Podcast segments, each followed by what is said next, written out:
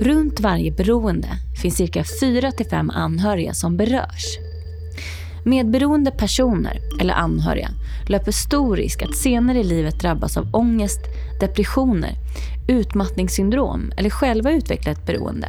Och de löper väldigt stor risk till att begå självmord. Det här kostar samhället enorma summor. Många av de här kanske ser ut att må bra på ytan och de är ofta framgångsrika. Vi ser dem som de som klarade sig. Fred Nyberg är professor i beroendeforskning och koordinator för Uppsala universitets Forum för forskning om läkemedels och drogberoende. Han forskar i ett brett perspektiv på vad droger gör med hjärnan och hur man kan ta fram bra behandlingsstrategier för att rätta till de skadeproblem som uppstår. Fred är en av få forskare som intresserat sig för just medberoende. Han har nu suttit som rådgivare för flertalet regeringar och intresset för dessa frågor är fortfarande svagt. Värst utsatta är barnen och kvaliteten på den hjälp som finns varierar från kommun till kommun. Skulle det kunna hjälpa om medberoende blev till en diagnos? Kanske skulle vi kunna titta mer på själva orsaken till alla symptom istället för att behandla dem separat. Samma sak gäller vården kring personer som både lider av ett beroende och en psykisk sjukdom. Hur skulle det vara om vården kunde behandla en individ istället för flertalet symptom eller diagnoser? Hur mycket påverkar barndomstrauman samhället i stort? Fred är inte rädd för att kritisera situationen och han har flera idéer på hur vi skulle kunna göra någonting åt saken. Tänk om fler kunde vara som Fred.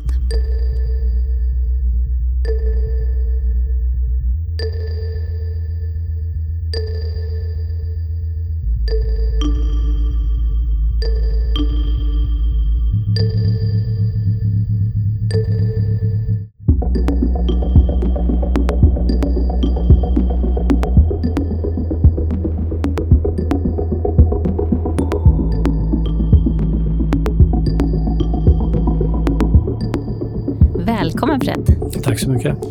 Jag tänkte börja med att fråga om du skulle vilja berätta lite mer om dig själv och vad det är du gör. Ja, jag är eh, forskare, professor vid Uppsala universitet i ett ämne som heter biologisk beroendeforskning. Och det handlar om att studera och forska på eh, hur droger och eh, olika beroendesubstanser eller beroendebeteende påverkar hjärnan.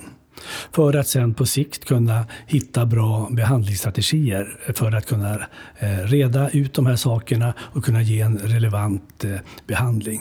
Och hur kommer det sig att du snöar in på just det här med, med droger, missbruk och, och så?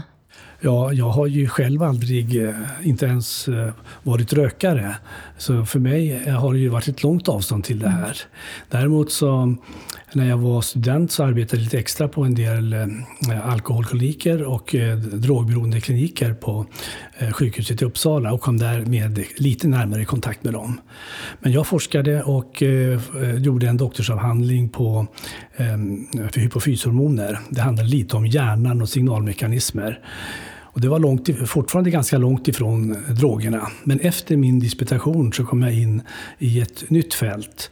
Eh, då var endorfinerna upptäckta och jag kom in i ett forskningsprojekt där man studerade endorfinernas betydelse eh, vid utveckling av beroende. Mm. Jag fick eh, min första tjänst, då hade vi medel från NIH i USA som, och kom med i ett amerikanskt projekt då man studerade heroinberoende personer och tittade på endorfinernas betydelse i det sammanhanget. Så började detta för mig då som inte har forskat, hur går man tillväga? För jag tänker att det är både den här, alltså att förstå hur själva drogen och det funkar och hur det, hur det påverkar hjärnan. Handlar det om intervjuer eller går man in och liksom strålar och tittar på hjärnan? Eller hur går man tillväga? Man har ju flera approach. Ett som det som du säger, att man gör eh, intervjuer, man gör epidemiologiska studier för att titta vilka kategorier är det som använder narkotika och så får man en uppfattning, vilka åldersgrupper är det? Och sedan så eh, börjar man titta lite närmare, när man får lite grepp om detta, då kan man titta på vad är det som är speciellt med de här patienterna? Är det någonting vi kan mäta i deras blod eller ha andra instrument för att studera det här? Och då, har man, eh, då ägnar man sig i första hand till djurförsök. Och så tittar man eh, på djurförsök, man exponerar experimentdjur med eh, droger och så ser man hur de påverkas. Och man kan också arbeta med celler, nervceller, det har jag arbetat med, mm. och se hur påverkas de. Så man går in i de mest djupa delarna, det vill säga de små cellerna, som är viktiga för eh, vår eh, mentala kommunikation, för våra mentala upplevelser, välbefinnande eller om vi mår dåligt. Och så eh, den kunskapen man får fram från dessa så kallade prekliniska försök, de kan man sedan använda när man går in på människa. Och vad jag ägnade stor bit åt då, det var att studera olika endorfiner, men också andra substanser som är kopplade till beroendeutveckling. Att studera dem i ryggmärgsvätska, det vill säga cerebrospinalvätska. Vi säger populärt ryggmärgsvätska. Mm. Och det kunde vi få, eller i blodprover som vi fick från patienter. Och så kunde man se att det fanns ett avvikande mönster i de här komponenterna. Man jämförde med kontroller, med de som inte var beroende och med de som var beroende av olika droger. Och så fick man en grundkunskap.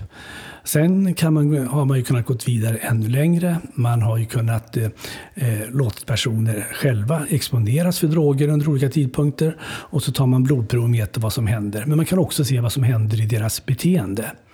Till exempel eh, om man tittar på droger som kan påverka bilkörning. Då kan man sätta individer framför en skärm och så får de köra bil och se om de kan hålla sig på vägen.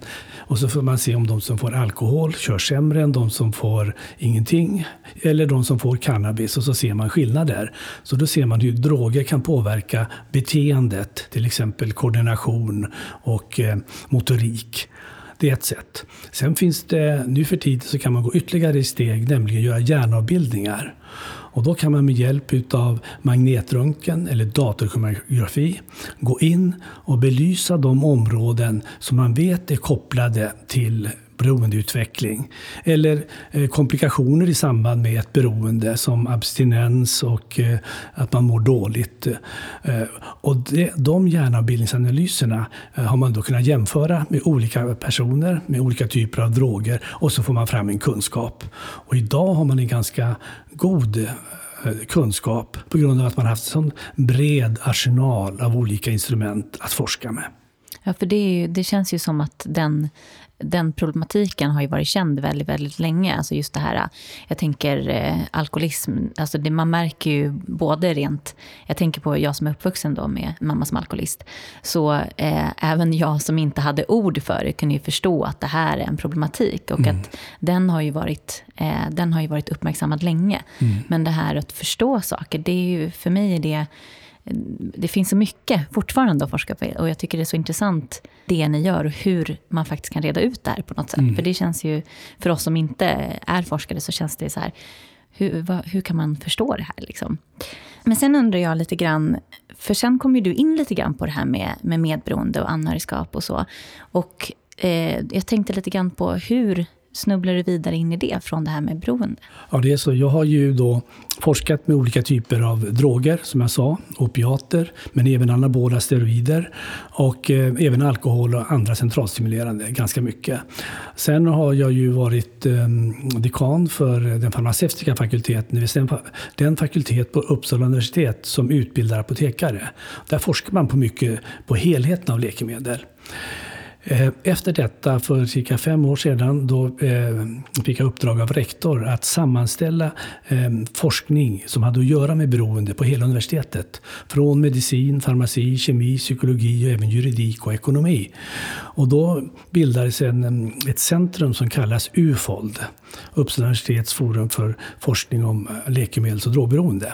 Och en, där har vi tre uppgifter. För det första det är att samla den tvärvetenskapliga forskningen i området. Och nummer två det är att gå ut med kunskap i samhället. Och nummer tre det är att fånga upp frågeställningar och behov ute i samhället. Det har vi arbetat med. En av de viktiga sakerna här är att vi har eh, årliga återkommande eh, vår och höstseminarium som vi har i universitetsaulan som samlar ganska mycket folk. Eh, hösten, sensommaren 2014 när jag funderar på vad ska vi ta upp för huvudämne den här hösten. Och eh, då, kom det, då råkade jag se den här trailern om eh, Djävulsdansen. Eh, Sanna Lundell och eh, Ann Söderlunds produktion. Och tänkte, ja men det här är ju ett ämne som vi borde titta djupare i. Jag hade tidigare varit i kontakt med anhörigproblematiken och haft seminarium, men inte just den här typen. För här såg jag att här är någonting som utöver den stora kunskap som vi annars har om anhöriga.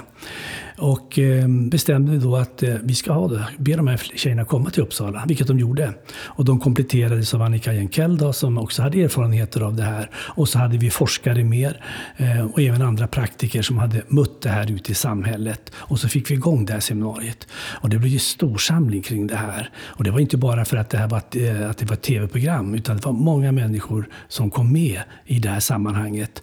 Och då förstod ju jag att det här är ju någonting som är oerhört viktigt. Det här är framförallt någonting där många människor upplever sig osedda. Eh, så jag tänkte, när vi hade, jo, hade en utvärdering av det här höstseminariet som fick då mycket stor uppmärksamhet. Då kom vi överens om att vi skulle inte stanna här. Vi skulle försöka eh, göra en fortsättning. Och då bestämde vi oss att vi skulle göra en turné. Vi skulle åka runt i Sverige med eh, oss fyra personer. Jag skulle börja ta det vetenskapliga bakom, vad man då visste om det vetenskapliga bakom det här.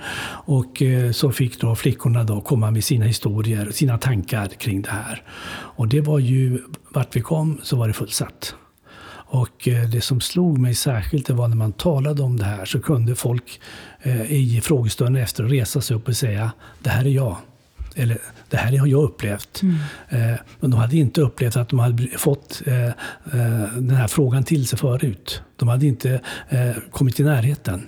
Man hade haft problem och svårigheter. Man hade besökt olika eh, mottagningar och fått kanske en psykiatrisk diagnos. Du har någon slags depression, du är bipolär, det kan vara en ADHD-problematik du har eller någon annan problematik du har som är orsaken till, eh, till det här. Man vill inte se det här som en egen sjukdomsidentitet utan eh, så var det. Och det fick jag klart för mig när jag mötte alla de här personerna. Att det här är någonting man har missat.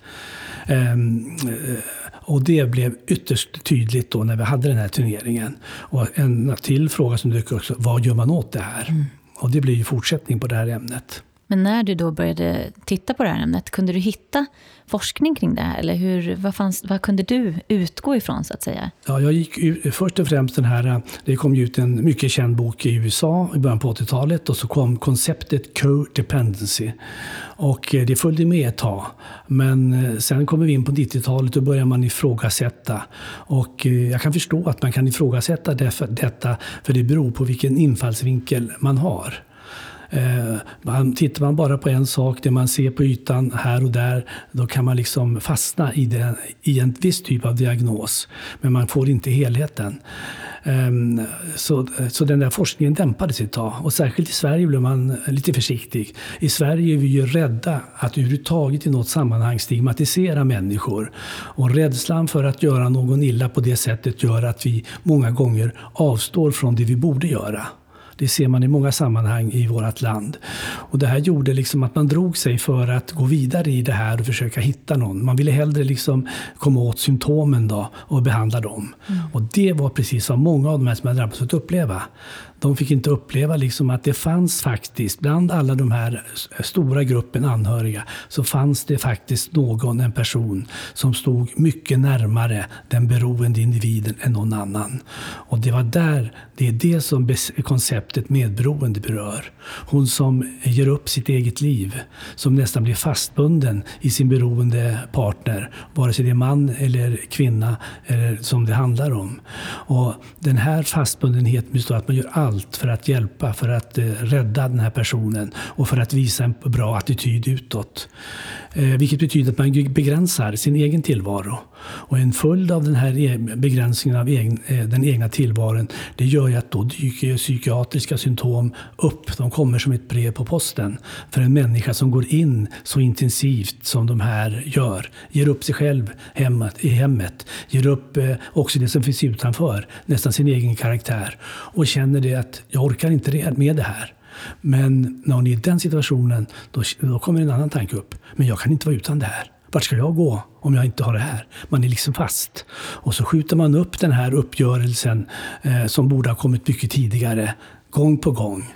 Det blir nya, det blir försoningar eh, och det blir tillbakakommanden eh, gång på gång. Det kan ju upprepas hur många gånger som helst att ja, jag måste förlåta, jag måste förlåta.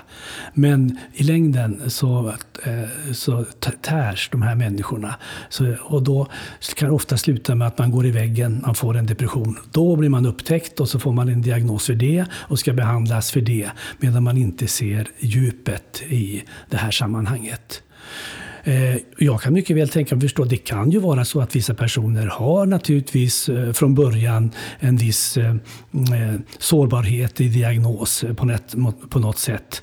Men ändå så får inte det göra att man glömmer bort att titta på djupet utan bara nöjer sig med den yttre diagnos som man som psykiatriker lätt kan, eller psykolog lätt kan göra.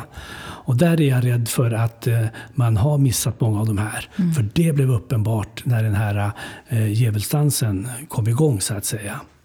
Eh, det, var, det var min erfarenhet av det här. Då ska vi komma ihåg att jag, mitt stora approach i forskningen det är att titta på hjärnan. Hur utvecklas den? Vad är det som händer i hjärnan? Mm. Vilka beteenden eh, är det som är kopplade till de och de centra i hjärnan?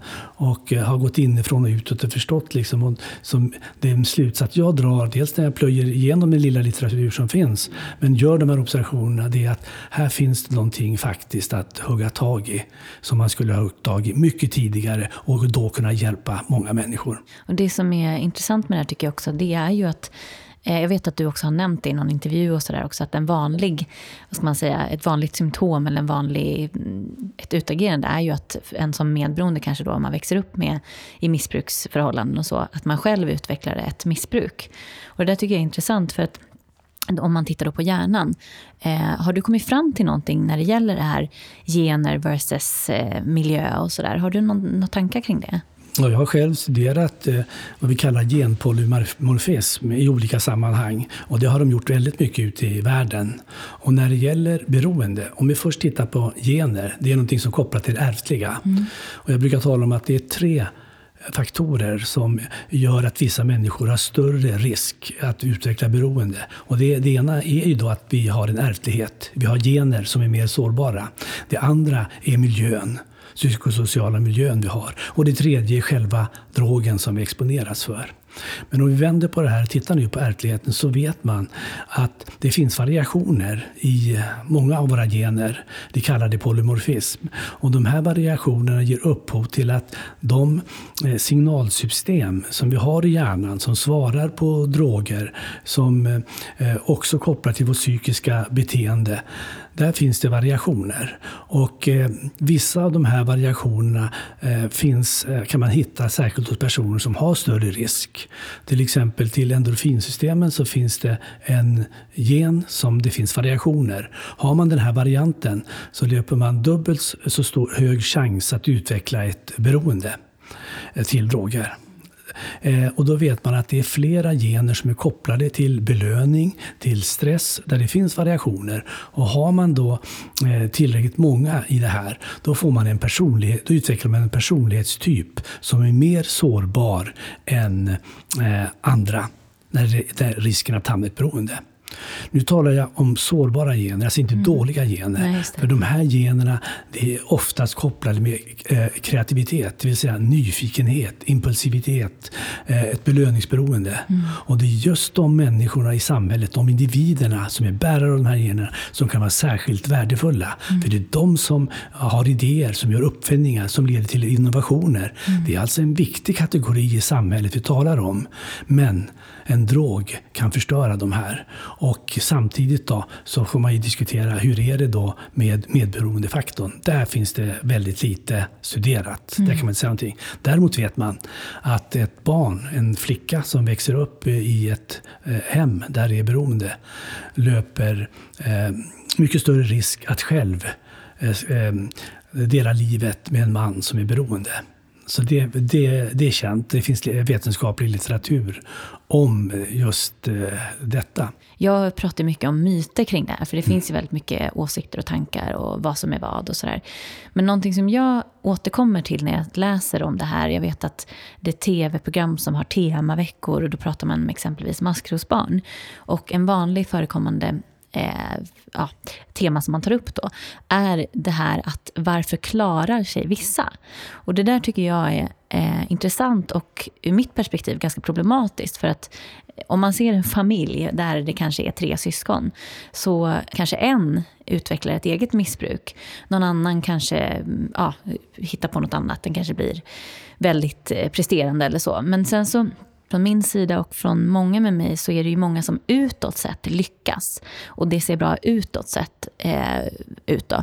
Men på insidan så är det helt annorlunda. Och att det är många av de här som, som du var inne på med utmattningsdepression och, och depression och eh, självmord och massa sådana saker som senare blommar ut. Att någonstans, även om du jobbar på och klarar dig och så här, så finns det någonting på insidan som man inte tittar på. Och jag tror att just de här personerna som lyckas utåt sett är det ju ingen som tittar på för man kan ju liksom slappna av där och känna att ah, phew, den där klarar sig i alla fall. Mm. Har du några tankar kring det här? Nej, men vi vet ju det att många av våra kreativa individer kan vara författare, det kan vara skådespelare, det kan vara personer som presterar. De, avståndet till att hamna i eh, missbruk, depression och missbruk är inte så stort. Vi har ju de eh, periodare till exempel som kan ehm, vara väldigt produktiva under vårtiden och sen så kommer hösten så klarar man inte av det här. Så trots att man är lyckosam, trots att man har det bra, så mår man ändå psykiskt dåligt. Man behöver någonting extra och det kan lätt bli droger ska man ha med detta. Därför att den här personlighetstypen, den är så oerhört belöningsberoende. Så att ehm, när det är utblivet, när det kommer skuggor i livet så ser man att eh, man är sårbar tänker på den här författaren som jag tycker är mycket intressant, P.O. Enquist. Han har ju berättat om sin situation. Eh, det var väl ingen som, han var ju duktig höjdhoppare ett tag, sen blev han ju en fantastisk författare och skrev. Men det var ju ingen som eh, riktigt förstod hans bakgrund förrän den uppenbarade sig att den här sidan fanns också hos honom. Mm. Och det är klart, kopplat till de här, eh, att vara geni, det är inte så lätt. Det var likadant med Esaias Tegnér, han var ju en fantastisk diktare. Men han hade sina mörka sidor när det gäller psyket också. Mm. Det finns ju många historier om det här. Och det är inte bara dem, det finns ju olika sammanhang med det här. Så att eh, eh, det där bör man vara observant på. Jag tycker att eh, eh, särskilt när man, när man vet att det finns personer som eh, har den här ärftligheten ska man vara särskilt noggrann med dem och se till att de får det vad ska jag säga, skyddsnät så att säga. Och det behöver inte vara något märkvärdigt alltså, men att man i tid kan eh, eh observera det här. Dels för barn som är små kan man se det, för barn visar visst beteende redan tidigt i livet. Och där ska, behöver kan ju lärarna göra stora insatser till mm. exempel, om man tittar så tidigt. Men som för tillbaka till det du sa, att, eh, att även om det, det är många som har suttit, är övertygad om, alltså, nu har inte jag intervjuat dem, Nej, men jag kan vara säker, många av dem som har suttit i tv-soffan och fått berätta att oj, nu har jag gjort det här, mm. nu har jag gjort det här. Innerst inne säger de ja, om de här visste hur jag kände mig innerst inne, trots att jag har tagit det här priset, trots att jag har fått göra den här stora, fick den här fantastiska recensionen mm. för mitt agerande numera. Men innerst inne, så, om de bara visste vad som fanns in, innanför huden hos mig, jag menar, en prestation kan ju också bli en slags drog. För det är också där att du får ju bekräftelse när du gör någonting bra. Så det är ju, och, och precis där som du var inne på när man pratar om den här partnern som gör allt för att då mm. eh, få det att se bra ut utåt. Att det blir liksom på, viktigare på något sätt än att må bra själv. Och det är också den där att det känns som att det är ofta den typen som hamnar i det här eh, medberoendeproblematiken. Den beroende parten blir hennes drog så att säga. För du har tagit upp det här även eh, hos regeringen och, och försökt driva den här frågan i högre instanser. Så att säga. Vad får du för respons kring det här? Ja, just den här biten har jag inte fått någon fantastisk respons heller. Jag, menar, jag har ju varit med om eh, mer eller mindre eh, arbetat för eh, fem olika regeringar. Så tillvida jag suttit som rådgivare, i den mån de vill utnyttja mig. Eh, när jag var på Göran Perssons tid, då var jag ju heltid, eller halvtidsanställd, så då var jag där dagligen. Och då tyckte jag att jag kunde göra nytta. Men det är klart att det är så många instanser. Jag menar, en minister, han måste ju lyssna på de närmaste han har under sig. Och det är oftast tjänstemännen då, som kan vara mer eller mindre kompetenta. Ibland är de så att säga inkörda i ett visst system så att när de kommer en ny handlingsplan så blir det en kalkering utav tidigare. Man lägger in några nya meningar och så blir det liksom the same procedure väldigt ofta. Eh, så man skulle behöva fräscha upp lite av det där mycket oftare, de som sitter nära Och risken är ju då att de som sitter i eh, eh, närmast regeringen, eh, de har ju mål att Oj, jag ska bli ämnesråd, jag ska bli det, det. Man har en karriär att tänka på. Det var inte någon svårighet för mig. Jag var ju oberoende utifrån. Jag hade min fasta tjänst på universitetet så jag kunde lägga märke till sådana här saker. Och det är klart att eh, om man bara litar sig på det, då blir det inte så bra. Eh, vad jag har förordar, och det var vad också Gerhard Larsson förordade, det skulle, när det gäller drogfrågor skulle man ha ett eh, lokalt så att säga, oberoende centrum som får sköta de här frågorna, ungefär som man har NIDA i USA. Mm. Då skulle man komma eh, kanske lite bättre, lite mer oberoende. Då behöver det inte vara politiska vindar som styr det som har med vetenskapen att göra. Politikerna vill gärna luta sig på vetenskapen. Det ser vi i valrörelsen. Den ena säger att ja, men så säger vetenskapen, den andra säger nej men så säger vetenskapen. Och så står de mot varandra. Då. Utan man ska ju naturligtvis ha en säker oberoende kunskapskälla som ska förmedla information till de politiska beslutsfattarna. Då kommer viktiga frågorna upp. Den här frågan har jag väl kanske säga att jag har drivit den så hårt, men det är, det är en del frågor som jag i alla fall aktualiserat. Och det gör jag bland annat genom UFOL. Jag bjuder ofta politiker. Jag har seminarium i Almedalen ganska ofta. Vi brukar ha en sex stycken seminarier varje år. Jag bjuder politikerna. En del är väldigt intresserade och kommer. Det får jag säga, en del duktiga. Vår nuvarande justitieminister är intresserad. Han kommer, han är med och han lär sig och kan saker och ting.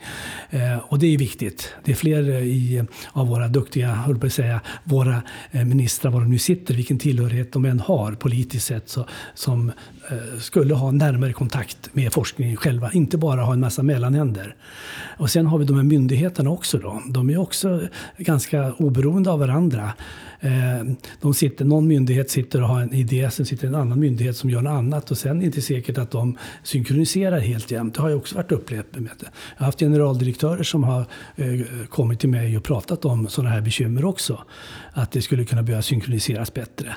Nu gjorde jag en ganska omväg för den här, men det jag mm. förstår liksom varför att eh, allt når inte den nivå där det skulle. Så att det kan bli moget för en ordentlig genomgång, eh, utredning och sen ett politiskt beslut. Och utredningar behöver inte alltid vara så långa som de ofta är. Det är intressant. Jag tänker att vi kommer tillbaka lite till det här också, på tal om det här hur ja, hur lätt eller hur, hur, enkelt eller svårt det är att lyfta frågan och varför och sådär. Men en sak som du har lyft, i alla fall i media och sådär, är att det borde kanske diagnostiseras, alltså att man skulle kunna ha medberoende som en diagnos. Eh, hur tänker du kring det? Ja, alltså, det, den erfarenheten jag har gjort under den tiden jag varit nära det här med medberoende. Då har jag ju sett att de skulle vara hjälpta om de fick... Kanske ordet medberoende, det kan många uppfatta det som stigmatiserande, så det kanske inte är bra. Hade vi haft något annat för codependency så skulle det vara mycket lättare. Men naturligtvis är det bland alla anhöriga, eh, oavsett vilken, hur de mår, vilken psykiatrisk status de än har, så kan man konstatera i alla fall att det finns vissa, en grupp som faller under det koncept som, eh, Eh, som går under det här eh, medberoendet. Det finns ju en amerikan som har gjort, eh, han satte upp 13 punkter som skulle hålla för den här diagnosen. Han gjorde en undersökning och visade att det stämde ju faktiskt på ett stort antal, ett visst antal kvinnor han undersökte. Så det skulle inte vara omöjligt att få fram det om man vill ha nu detta. De som blir störda, det är klart det blir de som äh, psykologer och psykiatriker ska ha något nytt att titta på. Liksom. För dem är det ju lättast att konstatera att de här har vi en bipolaritet, här har vi en depression, här har vi en ADHD och så vidare. Ehm, men här finns det någonting som eh, man skulle kunna titta djupare på. Och eh, Problemet är att det är så lite forskat på det här. Eh, så att man kan, så inte ens forskarna kan känna sig trygga och säkra. Jag har mött många forskare som känner sig osäkra tycker men det här är väl bara ute och cykla lite nu. Alltså de drar sådana slutsatser. Men Eh, eh, ur min synpunkt, alltså för den approach jag har haft här så tycker jag ändå det finns en tydlighet eh, att man skulle kunna göra någonting här för att få en, en diagnos. Nu ska man ju inte, jag förstår också att det kan bli väldigt jobbigt om man ska mm, bara radda upp en massa olika typer av diagnoser.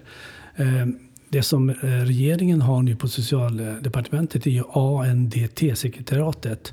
Alkohol, narkotika, dopning, tobak. Eh, nu kommer S, spelberoende.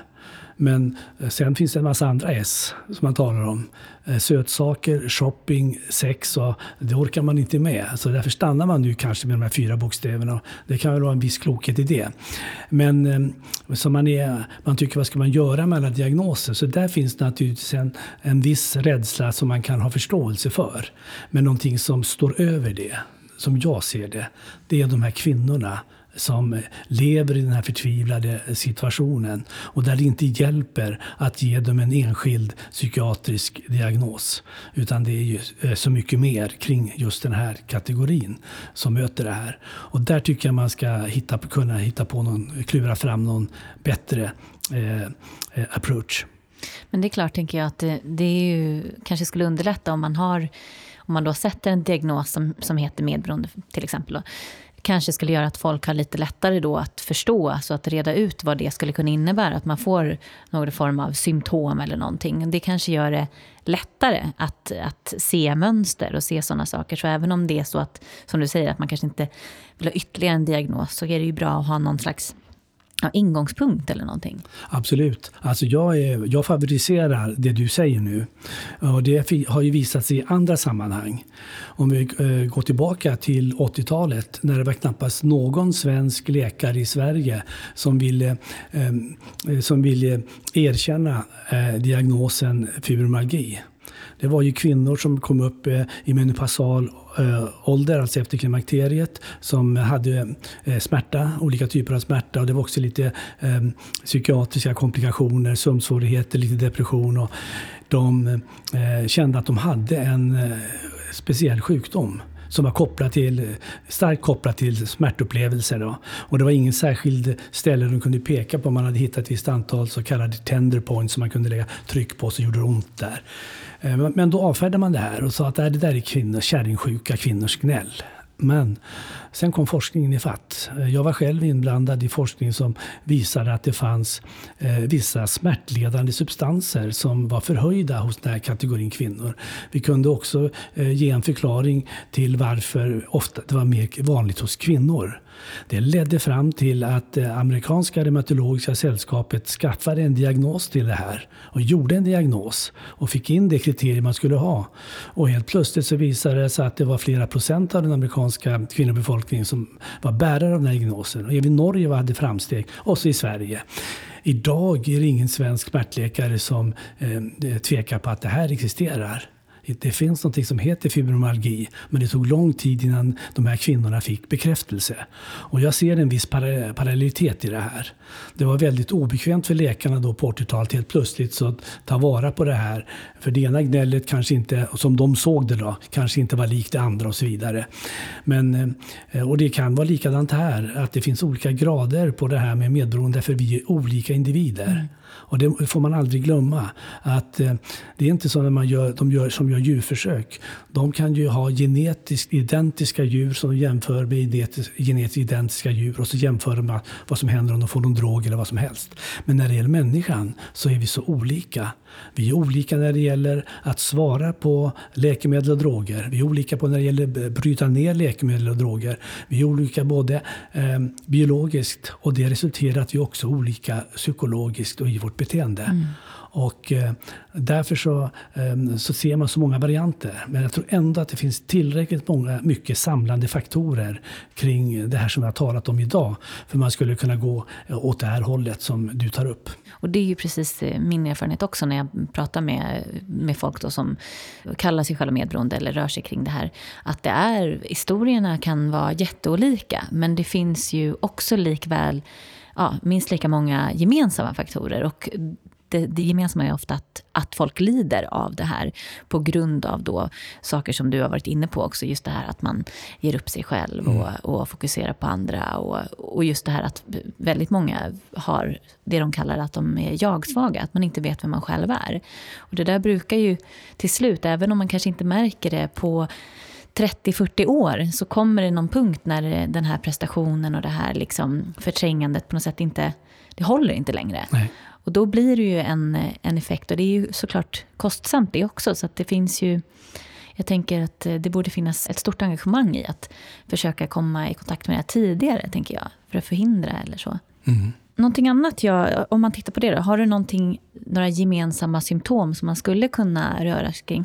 Ja, men vi har ju nämnt några här som eh, depression, eh, sömnstörningar som störningar och eh, även ADHD-lika symptom alltså som koncentration och uppmärksamhetsstörningar att göra. Visst kan man hitta, hitta dem, det kan man ju hitta sprätt. Det är ju nämligen så att bland till exempel de unga som kommer till Maria Ungdom, till exempel här i stan, för problem så har ju för drogproblem, för problem med alkohol och narkotika, så har var och en minst tre diagnoser. Ehm, men ändå är det det som blommar upp, det är, är ju den beroendekomplikationen. Men då säger vi inte till exempel att ah, det här är en eh, ADHD, utan han kommer ju inte dit för att han har ADHD eller för att han har depression. Hon kommer dit därför att han har beroendeproblem. Och för det blir gemensamt i det här. Så att säga. Men det är en stark koppling mellan de här. Och där är vi inne på någonting som jag tycker är viktigt. Det är att jag var en gång i tiden ordförande för Svenska föreningen för alkohol och drogforskning och fann att det var ett avstånd, ett gap mellan den medicinska och biologiska forskningen och den psykologiska och epidemiologiska forskningen. Det var ett stort avstånd. Mm. Då arbetade jag för att liksom få ihop dem mera. För faktum är, det finns ingen psykologi som inte påverkar hjärnans eh, biologi eller kemi. Och tvärtom, det finns ingen kemi eh, som inte kan påverka hjärnans, vårt psykologiska beteende.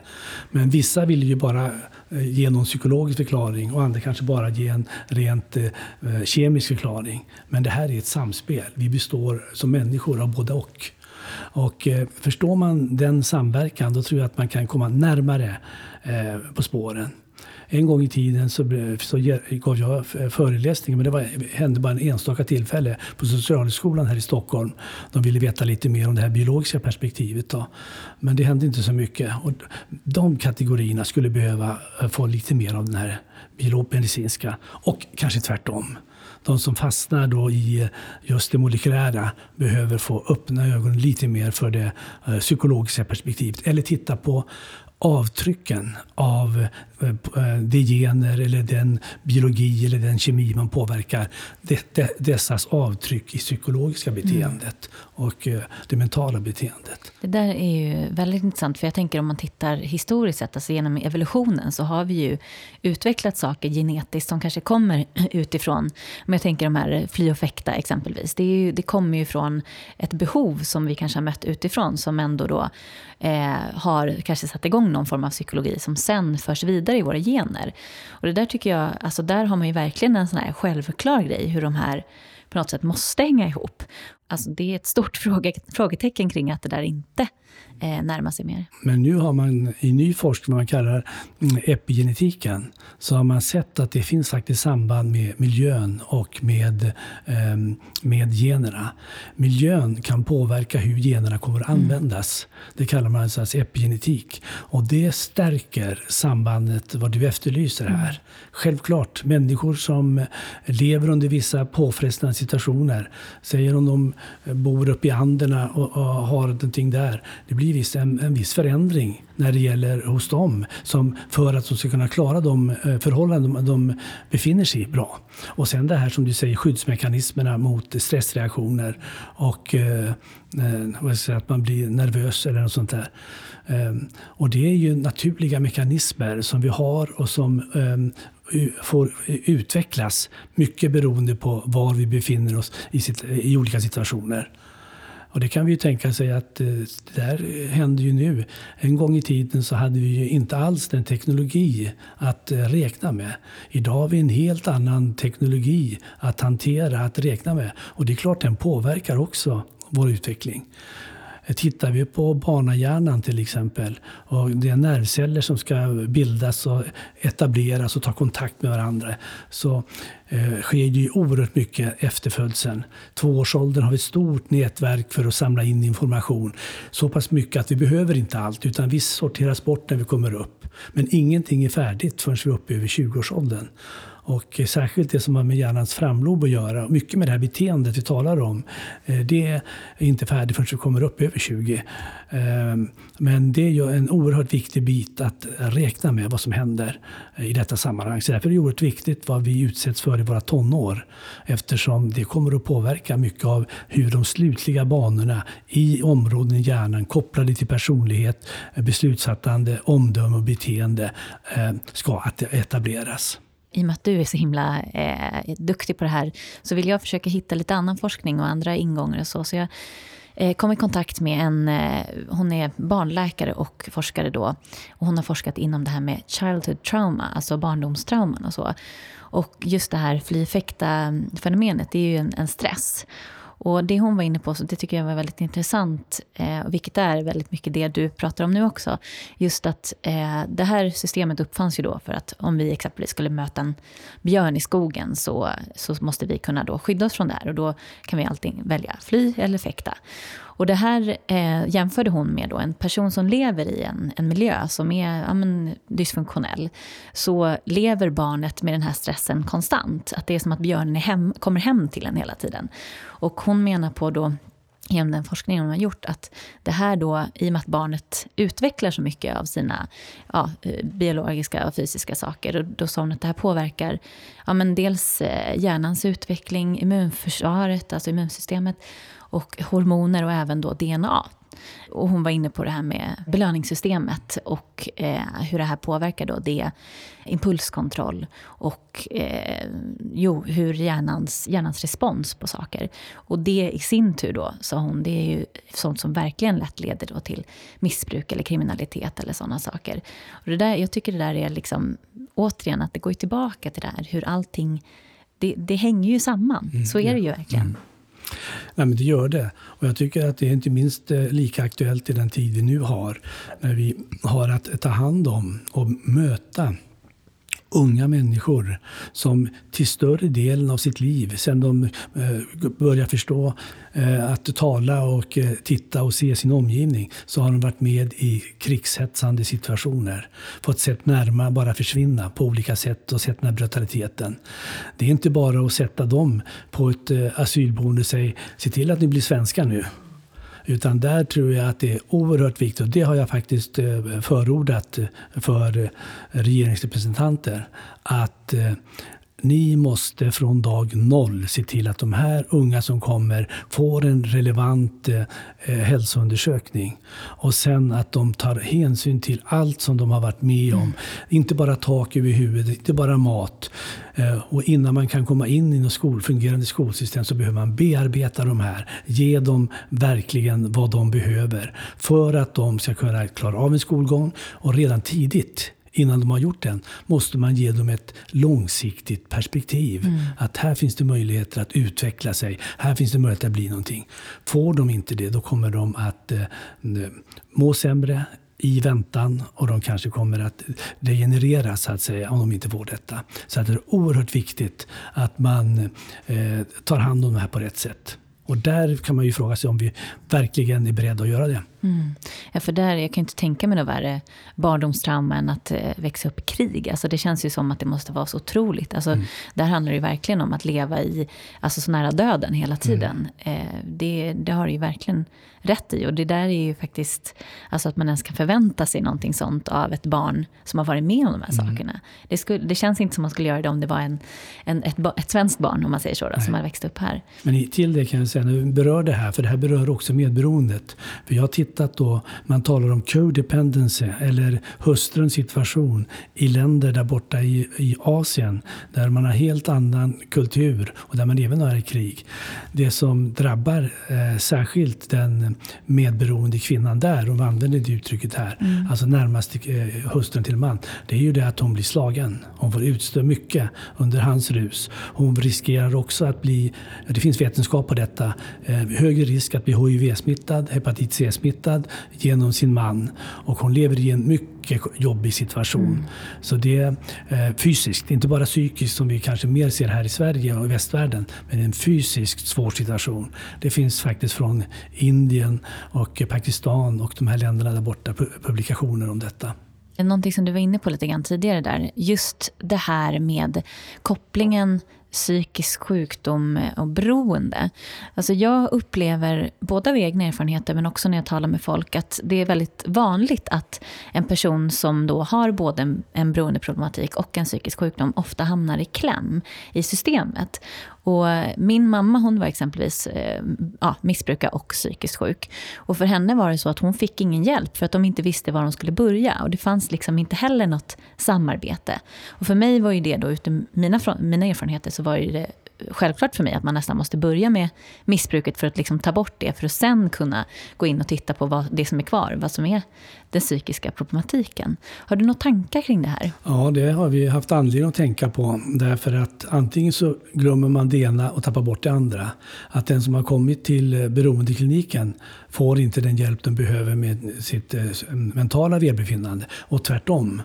Eh, att man kommer att få behandling för psykiatriskt åkomma men man ser inte beroendet. Men nu har det faktiskt hänt så att nu har Socialstyrelsen kommit fram med nya riktlinjer för vård och behandling. Och där står det tydligt och klart uttryckt att man får inte vänta utan de ska ha en samtidig behandling utav båda sakerna. Och det tycker jag är bra, då har man kommit ett steg eh, lite längre. Det gäller ju viktigt att man får riktlinjer och att man kan följa upp det här på ett relevant sätt så att det ändå inte blir två. En annan sak i det här sammanhanget jag vill också nämna det är ju det att eh, det handlar ju om att många Många har hepatit C kanske 70-80, även mer, av injektionsmissbrukarna har hepatit C. Och eh, där gäller det samma sak, att även den blir behandlad. Ibland kommer de bort till infektionskliniken och där eh, har de ingen kontakt med beroendet eller så vidare. Och eh, kanske inte ens tycker att det är roligt att få ha dem, en kategori patienter där. Mm. Här skulle man göra en gemensam plattform så man kunde få både eh, sin mentala hälsa, sitt beroende och sin eh, infek eh, infektion behandlade i en samtidighet så man inte drog sönder alltihopa. Mm. Där skulle myndigheterna kunna göra en stor vinst om de, om de gick åt det hållet. Det är ju någonting som alltså jag hör gång på gång att det ofta blir så att man behandlar också, speciellt om det är någon som har flera diagnoser, att varje diagnos blir behandlad men det är ingen individ man behandlar utan man behandlar de här olika delarna. Och framförallt då tänker jag när det har med barn och ungdomar att göra, så just det där att inte få någon slags eh, trygghet att kunna koppla och, och knyta an till någon, om det är då mm. exempelvis en, en psykolog. Att alla har olika ingång och så här. Det, jag förstår att man blir splittrad, verkligen. Alltså. Men det du säger låter ju fantastiskt. Vilket framsteg om det är så att vi går i den, den riktningen. Jag hoppas att det ska bli så. Att man ska mm. kunna hitta en enlighet över landet. Jag har faktiskt, via UFOLS arbetar vi för att få en nordisk samverkan. Eh, jag har kontakter med dem och vi kommer nu att ta ett möte framöver då vi ska samla nordiska eh, experter, toppexperter i området och diskutera när det gäller behandling av beroendet, inte minst då, eh, narkotikaberoendet så gemensamt som möjligt som man hittar. Samtidigt naturligtvis, som du säger, så är människan eh, en, stor, en helhet i varje människa. Och, därför, och vi är olika. Därför så kommer man kanske att gå åt det här att vad man kallar eh, skräddarsy eh, eh behandlingen för de olika individerna. För det är egentligen vad man behöver eftersom vi ändå är så lika, mm. olika. Hur man ju kanske kan göra det på ett bra kostnadstillåtet eh, sätt. Ja, för där tänker jag om du exempelvis går då hos tre olika eh, psykologer eller så, så skulle det kanske kunna sammanstråla till en. Det skulle ju också minska kostnader, även om det kanske kostar den, alltså satsningen på att gå, utveckla det här systemet. Liksom. Mm. Det finns ju, det är det, jag tycker det där är, sen, sen är det väl såklart också att det måste forskas i vad är det för hjälp de här behöver. Liksom. Mm. Det är ju såklart också en, oh ja. en forskning som, mm. som är viktig. Ja, men jag var inne på det här med barndom lite grann. Och, och, det är ju ganska, jag tänker på det här med anknytningsteori, är ju ganska allmänt känt nu i det här laget. Hur vi påverkas eh, väldigt tidigt. Du pratade också om de här eh, tre första åren där, eh, där vi kanske inte medvetet förstår hur de här sakerna utvecklas utan undermedvetet så präglar det oss, miljön då givetvis. Och jag nämnde tidigare den här eh, forskaren Nadine Burke Harris heter hon. För hon är inne mycket på de här, de här frågorna. Och eh, i hennes TED-talk som hon hade så kallar hon det för How Childhood Trauma eh, Affects Health Across a Lifetime. Och det fanns otroligt mycket statistik och de hade gjort något system som de kallar för ACE, vilket är typ då att mäta, ja, vad kan man säga det, skadliga barndomseffekter. Och då gör man det som ett slags poängsystem, att eh, för varje då trauma, vilket kan vara liksom en, att växa upp med en psykisk sjuk förälder, det kan vara misshandel, psykisk, eh, fysisk, sexuell misshandel, skilsmässa, alltså det kan vara massa olika saker. Och för varje sån här poäng då som man kunde få så kunde man räkna ganska enorma, alltså så, hur mycket större risk man eh, löper för att råka ut för eh, väldigt mycket fysiska sjukdomar och så. Och eh, i USA då så kom man fram till att 67 procent hade då minst en sån här ACE. Och eh, 12 procent hade fyra eller mer. Och det hon var inne på då, det är att exempelvis eh, de som har fyra eller mer då löper ja, till exempel eh, 12 gånger så stor risk för eh, självmord. Även då den som har sju eller fler ja, löper exempelvis, eh, ja, vi kan ta tre gånger så stor risk för att drabbas av lungcancer.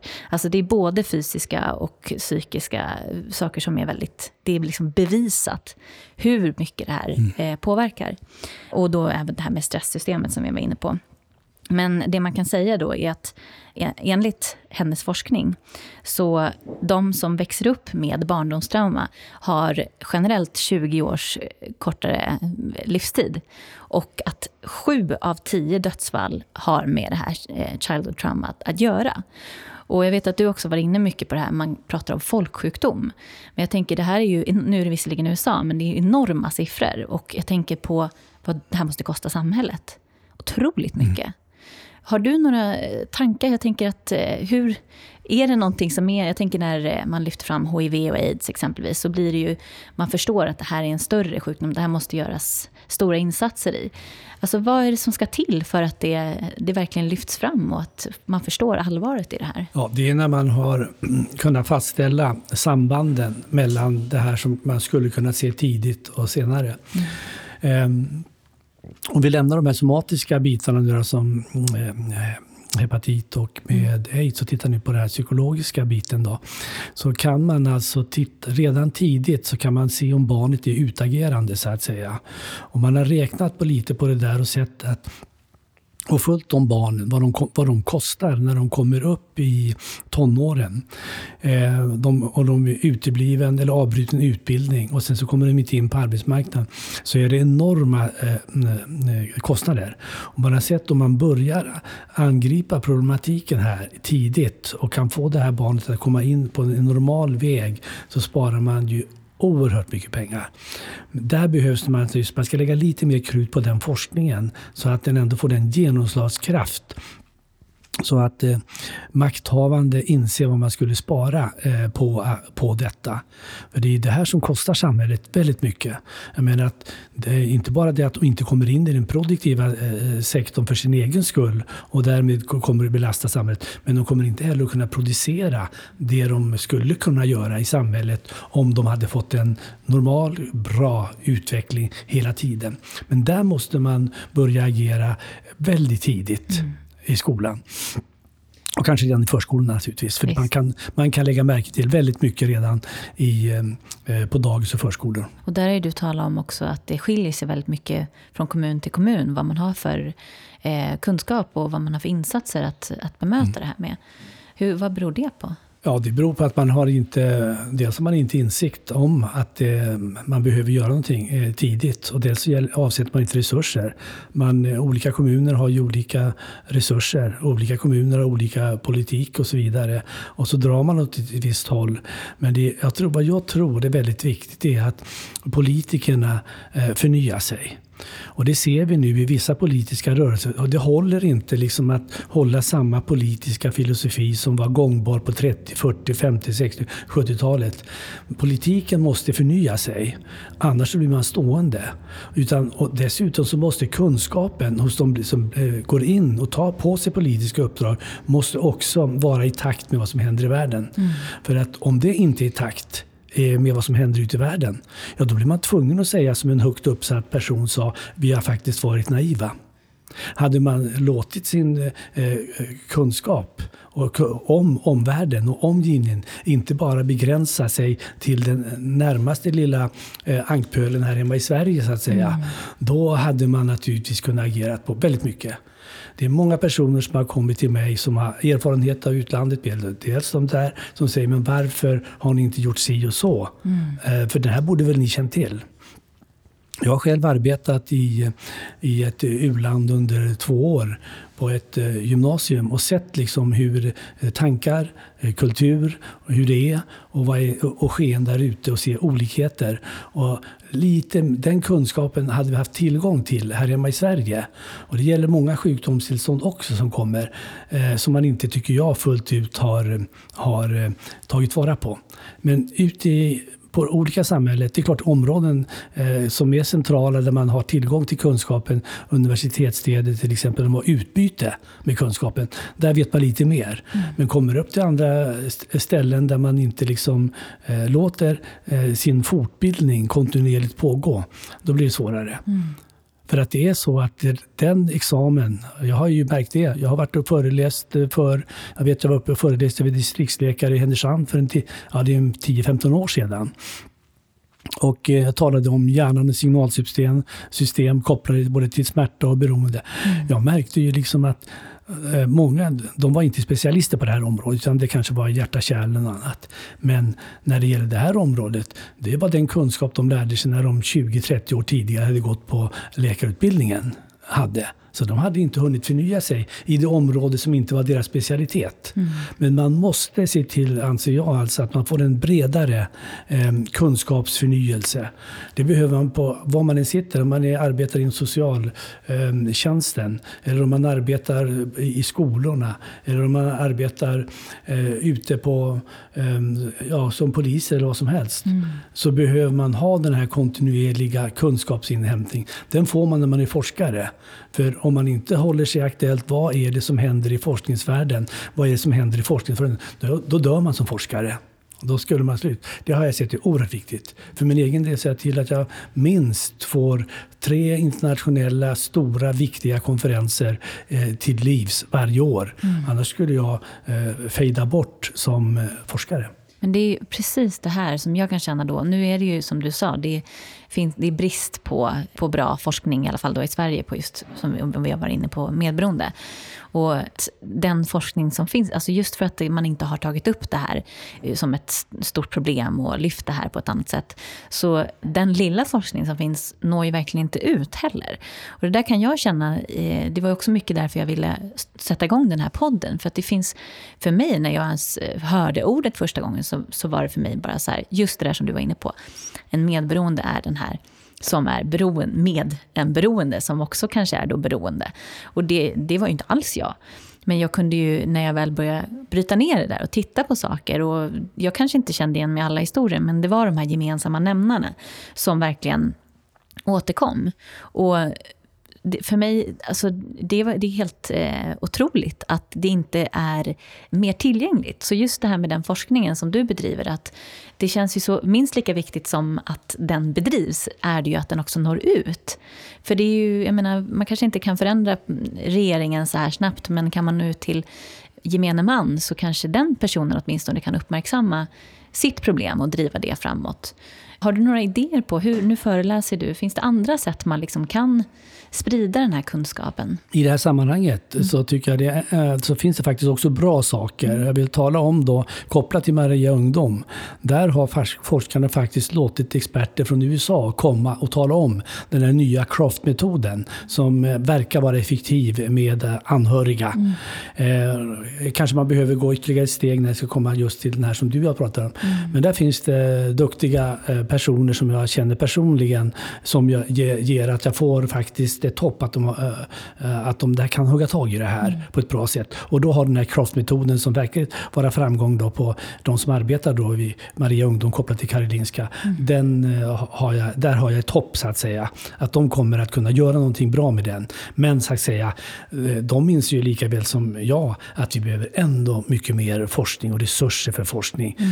Så det, den krona, det visar ju sig som man skulle lägga ut på det här när det gäller forskning, den skulle man ganska snabbt få tillbaka. Mm. Och jag hade ju faktiskt Karina Bong, hon är, jobbar ju och utbildar just i den här craftmetoden och hon var också förespråkar verkligen den, att den är, fungerar på många sätt, eller man ser många bra mm. resultat av mm. den. För det är väl också det, att man måste ju komma fram till resultat. Det är ju så viktigt i vår tid. Mm. Att man är, och det är klart att man behöver resultat, men det finns ju också mycket i en process. som eh, Processer kan ju behöva ta tid också. Det kanske inte alltid är så att man måste gå direkt till ett resultat. Och som det är nu så finns det ju en enorm kunskap att tillgå med alla dessa personer. Du var inne på att, jag vet inte hur många det kan röra sig om kring en, en beroende person. Fem, eller vad sa du för någonting? Ja, fyra, fem talar man om. Mm. Det är ju ganska... Det är en ganska stor del. Så mm. att, eh, och det finns ju siffror på att 25 eh, procent av hela svenska befolkningen, upp mot eh, från barn upp till 74 år, har någon i sin närhet då, som har ett beroende. Så att, så att deras situation blir påverkad. Mm. Det kom fram siffror från CAN ganska nyligen om det. Då pratar vi verkligen stora siffror. Och återigen, Mm. säkerligen ganska stora kostnader också ja. kring det här. Men om du skulle få drömma lite, har du någon eh, tanke hur du skulle vilja att de här eh, människorna bemöttes eller hur samhället skulle satsa på det här? Eller vad har du för har du någon dröm så kring det? Ja, för det första, så som jag ser, vad jag ser det eh, direkt på de här nu, så är det att de måste kunna hänga upp sin identitet i någonting. Och det ska inte, då ska inte gå att behöva välja på en tre, fyra, fem psykiatriska diagnoser. Utan det måste finnas ett gemensamt namn för den problematik som de genomlever. Och jag tittar, när jag tittar på det här alltså ur beroendeperspektivet så kan jag mycket väl äh, äh, koppla det som man äh, talar om till klassisk beroende, det är kriterier. Det kan man också hitta på den som blir beroende av en annan person. Då, som i det här fallet. Så det finns mycket man skulle kunna göra där. Mm. Men sen tror jag också rent generellt så tror jag att eh, man måste också eh, eh, se till att man lever ändå i en ständig förnyelse. Det är så lätt då liksom att forskning i Sverige idag byggs upp kring stora, prominenta, eh, duktiga personer som inte vattnar gräset omkring sig så det inte blir någon återväxt. Mm. Vi har även här i Stockholm som på andra håll så har vi sådana här, ja men den store forskaren har vi. Mm. Men vad är återväxten? Har han vattnat gräset? Finns det någon som tar över? Finns det någon som kan gå vidare? Där har vi haft stora brister. Därför att man har haft ett alltför starkt elitistiskt tänkande när det gäller forskningen. Får vi hit den fantastiska forskaren, då blir det någonting, tänker man. Men har man inte en forskare som kan se till återväxten, då får man ingen framtid. Och där måste man eh, verkligen öppna ögonen för. Nu eh, tvingas unga forskare, ja men jag måste visa att jag är en självständig, perfekt eh, forskare så att jag har stor självständighet och eh, då först kan jag bli någonting. Och så gör man art artificiella konstruktioner för att de ska bli det och hålla för de kriterier som, man, som sen bedöms när man kommer upp till något eh, vetenskapsråd som ska titta på en. Kanske man skulle säga så här att den forskare som visar största kapacitet när det gäller att samverka och vara en kugge i ett större, samman, eh, större bredare sammanhang. Det är kanske den man skulle titta på och behöva och prioritera. Där finns många kvinnor. Det är en av anledningarna att vi inte har eh, tillräckligt många kvinnor på toppositioner i forskning. På min fakultet var vi först i Uppsala i alla fall att göra en undersökning när det gäller eh, varför har vi så få kvinnliga forskare. Och vad många kvinnor då sa, som vi hade, de hade disputerat, de upplevde att ja, vi har inte samma nätverk som, som män, sa de det var någonting då som de kändes inte eh, eh, som det, det här manliga så att säga bygga upp. Och de kändes inte hemma med detta. Många tänker så här, inte vill jag bli en sån som eh, ska armbåga mig upp till mm. toppen så att säga. Det ligger inte till hos många kvinnor utan de har liksom en annan ingångsvinkel. För att, det, att män och kvinnor kan vara olika. Men det här är en sak som jag under alla mina år tycks ha, tycker mig ha lagt märke till. Mm. Och eh, skulle man ha andra kriterier när det gäller att rekrytera personer i forskningen än att eh, det bara ska vara en toppelitist så att säga. Eh, då kanske vi skulle få mer kvinnor i eh, forskningen också. Mm. Och framförallt kanske vi skulle få den typ av forskare som vi verkligen behöver för att kunna bära, dra fram en helhet kring forskningsfronten och inte enstaka stjärnskott. Mm det kan ju få förödande effekter och det tycker jag vi har sett i vårt land just nu. Ja, vi har ju några tydliga exempel på det, utan att nämna namn. Det är ju någonstans så att för forskning ska sättas igång så måste ju frågorna ställas. Alltså det måste ju finnas en, en utgångspunkt för forskningen. Och om det är samma personer som eh, bestämmer de här utgångspunkterna så är det klart att... Där tänker jag också så att vi är ju faktiskt individer, som du var inne på. Vi är människor som också har olika intressen. Och det är en sak som jag funderar på ganska mycket, det här är mer filosofera lite grann, men eh, att med tanke på då hur många vi talar om som står kring en en beroende person. Då. Sen finns det ju psykisk ohälsa och sådana också saker som påverkar andra människor. Så tänka hur många som sitter i regeringen som själva borde ha lida den här problematiken. Och som du sa, eh, hur folk räckte upp handen och kände igen sig när ni, när ni föreläste. Även där kan jag känna att, att man inte själv brinner mer för den här frågan. Att det, det är ett stort frågetecken för mig. Ja. Att det är så. Jag tror att, eh, ja, men jag har sett många politiker. Jag, som jag sa, det, det här är femte regeringen som jag ser nu då, eh, och följer. Jag är intresserad av dem. Jag till och med eh, hade sällskap med Olof Palme över Atlanten en gång. Eh, så jag har följt eh, politiker. Men eh, vad, jag, eh, vad jag kan konstatera det är att det finns så att säga en skolbänk som många av de här skulle behöva och som inte har varit tillgänglig. Och det visar ju svårigheten att välja partiledare och så vidare också. Därför att eh, man har inte den eh, säger, växtkultur för de här eh, politikerna som har lite det här helhetsperspektivet. Och, lika, eh, och det gäller inte bara Sverige, jag tycker det gäller USA nu också om man tittar på presidentkandidater till exempel som de ska leverera. Eh, så att där finns någonting att göra också tycker jag som man skulle vinna på. Och det var det jag menade vill komma till att om det är någon nu som har den här problematiken. Vi säger att det är en hög politiker, kan vara kommunalpolitiker eller inte. Så inte det är det första de ventilerar utåt, Nej. inte ens till sina närmaste. Man är ju ändå så pass beroende att vara, eh, vara den som har det. Och jag vet, det är ju väldigt känsligt och vem som får frågan. Jag har ju ställt frågor till politiker, till ministrar som har sagt ja men det där är, eh, det är inte mitt bord. Man är livrädd att man har trampat in på någon annans område. Och bara det Eh, om det där får du fråga någon annan. Bara det, att den känslan att vara rädd för att träda in på sin ministerkollegas område eh, är ju inte bra. Nej. Utan den, den, där måste man ha en större samverkan. För annars så blir det också en problematik. Men det, nu kommer vi lite en bit. Men om det skulle vara så att någon har den här medberoende problematiken där så tror jag inte den skulle ventileras där i första hand. Alltså det där är jätte, för det var faktiskt hon den här då, Nadine som jag refererade mycket till. Hon, hennes poäng var också då att, eh, att vi på något sätt som, som människor har lättare att se för det, det, finns ju såklart väldigt tydligt i, i eh, de delar av samhället där det kanske inte är lika bra ställt och sådär. Men som hon menar på att det, är, det var lika många procent hos de här som då har det utåt sett bra, som lider av den här delen. Och att det är läskigare, för då måste man börja titta på sig själv. Och det är lite precis det där du är inne på också, att den, eh, om man inte har kommit så långt i sig själv och om man inte, eh, speciellt om man är, gör sin karriär och sådär, är det ju kanske inte jättekul att börja titta på de här sidorna av sig själv. Och det krävs ju många gånger för att kanske förstå, mm. förstå hur st stor utsträckning det här kan mm. påverka saker. Mm. Nu funderar jag liksom lite grann så framåt. Då. Om vi pratar om frågor. Har du någon så drömfråga som du skulle vilja driva nu? Forska vidare på? Så där? Ja, det är, flera, det är flera frågor mm. som vi håller på med. En del driver jag i min forskning. Men vi talar om vad jag skulle vilja. Mm. Så tror jag att man skulle behöva eh, inte, om det här området skulle man behöva göra genuin forskning på. Alltså man skulle behöva eh, eh, identifiera de här personerna och göra det möjligt för dem att på något sätt hitta ett forum där de kan träda fram så man kan eh, ställa de relevanta frågorna. Den här frågan om det här index som den här amerikanen gjorde har inte gjorts i Sverige. Jag tror att det skulle vara ganska intressant om man gjorde detta.